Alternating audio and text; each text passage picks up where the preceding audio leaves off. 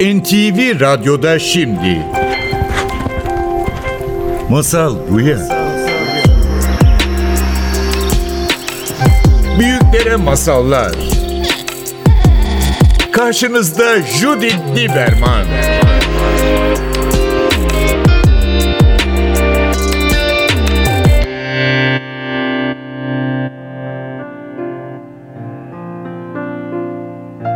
Masal Buya'ya hoş geldiniz. Bugün bütün programımız tek bir masala ayıracağız. Bu masal bu gitgide sanallaşan dünyamıza çok önemli bir mesaj veriyor bence. Ama daha fazla söylemeden önce masal gelsin sonra birçoğumuz ekranların önünde geçirdiğimiz bu döneme neden bu masal iyi geleceğini düşündüğümü anlatırım. Hadi başlayalım. Aaron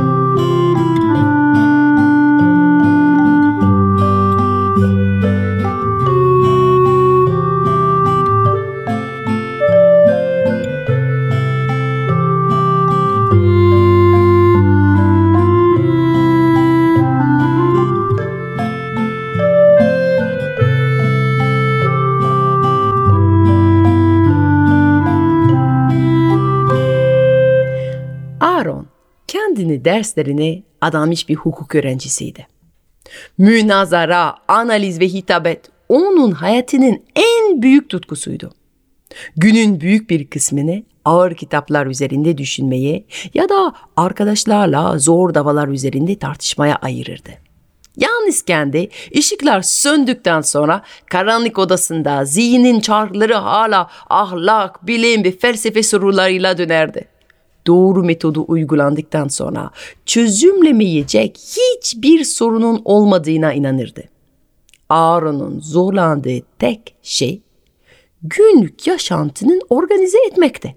Nedense entelektüel yönden daha zayıf insanlara çok kolay gelen çoraplarını yıkama, odasını toplamak ya da kendine kahvaltı hazırlamak gibi sıradan işler onun bütün enerjisini tüketiyordu sabahları genellikle sınıfa geç kalırdı. Zira ayakkabılarını ya da kravatını nerede koyduğunu asla bulamazdı. Bu durum yüzünden hocalardan sürekli azar işitiyor ve arkadaşların arasında alay konusu oluyordu. O nedenle bir gün gündelik hayatı yönetme işini bir sisteme bağlamaya karar verdi başka problemleri çözmek için kullandığı analitik yaklaşımı onlara da uygularsam hayatının bu önemsiz detaylarının da üstesinden gelebileceğini düşündü. Bunun için o gece odasında yaptığı her şeyi not etti. Mükemmel bir sistem yaratmak detaylı bir döküm gerektiriyordu. O gece soyunurken kendisi için bir liste yaptı. 1. Gömlek sandalyenin sırtında. 2. Pantolon ve iç çamaşırı sandalyenin üzerinde. 3. Kol düğmeleri ve kravat şifonyerin üzerinde.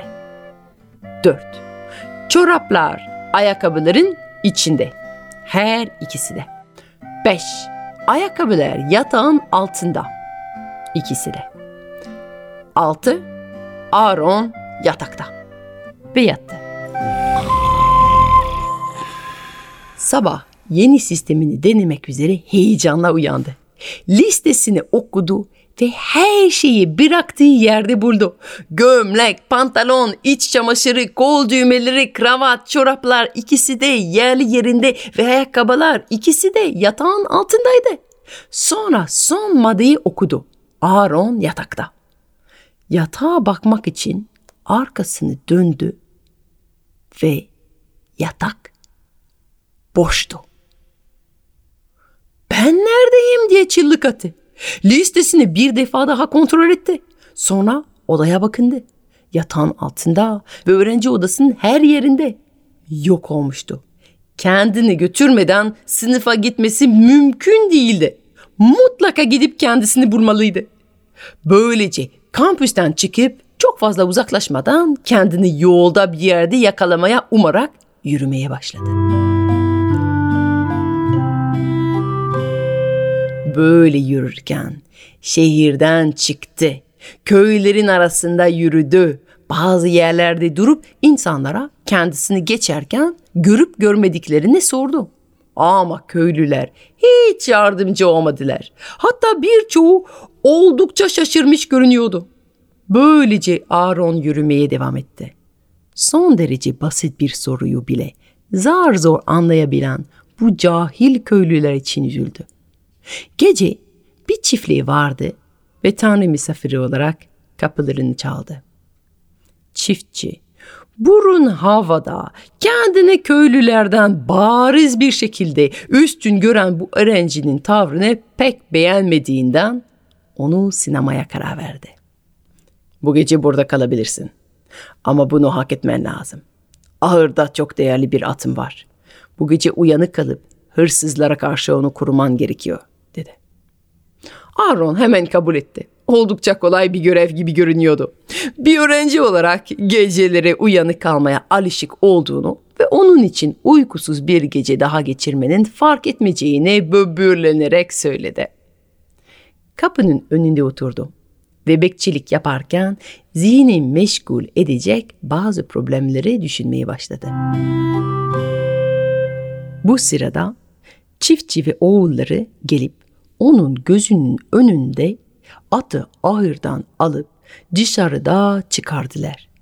Aaron o kadar dalgındı ki hiçbir şeyin farkına varamadı.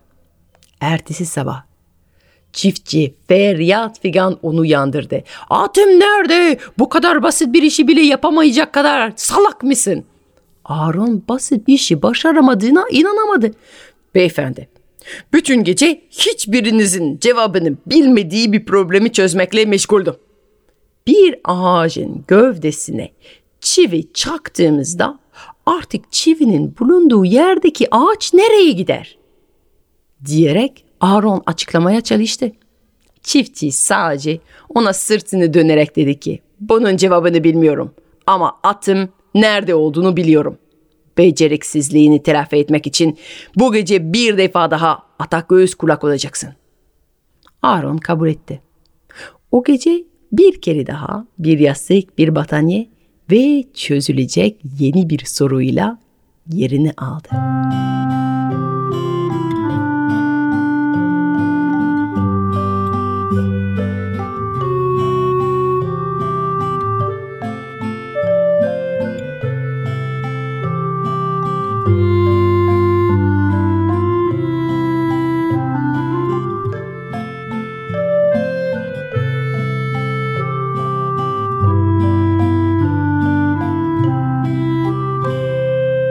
Ve bir kez daha çiftçi ve oğulları gözünün önünde atı kaçırdılar. Ertesi gün Aaron sinirli çiftçiye gece çözdüğü son derece önemli soruyu sorarak kendini savunmaya çalıştı. Bir mum yandığında yok olan bal mumu nereye gider? Çiftçi de tekrar bunun cevabını bilmiyorum ama atım nerede olduğunu biliyorum diyerek onu bir kez daha aynı göreve atadı. Ama uyardı da. Aaron yine başaramazsa bu kez bir ceza ile yüzleşecekti. Aaron iyice yoğunlaşırsa zihnin çözmeyeceğine hiçbir şey olmadığını düşündü.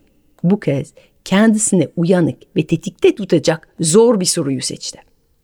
Sonraki sabah çiftçi ahırın denetlemeye Aaron'un yanında geldi Aaron bu sefer gözlerini bir saniye bile kapatamadığından emindi.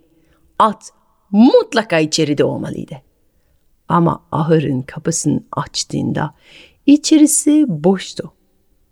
O zaman kızgın çiftçi Aaron'u yakasından tutarak yüzüne tokat atmaya, onu tekmelemeye başladı. Aaron darbelerden korunmak için kollarını, bacaklarını kendisini siper etti. Ama yine de kulaklarına çinliyor, sırtı acıyor, poposunu ağrıyordu. İşte o zaman aradığı her şeyin orada olduğunu fark etti. Kafası, sırtı, bacakları işte hepsi buradaydı. Bir uzvu bile eksik değildi. Uzun bir arayıştan sonra sonunda bulmuştu kendini. Çiftçiye sarıldı ve yardımları için ona teşekkür ederek okula dönmek üzere koşmaya başladı. Çiftçi şaşırıp kaldı. Aaron koşarken de kendini hissedebiliyordu sonunda. Ellerini, kollarını, ayaklarını yere bastığını, rüzgarın saçlarının arasında estiğini hissediyordu. Vücuduyla tekrar bir araya gelmekten öylesine memnundu ki sadece hareket etmenin onu tüm dünyaya bağladığını hissetti.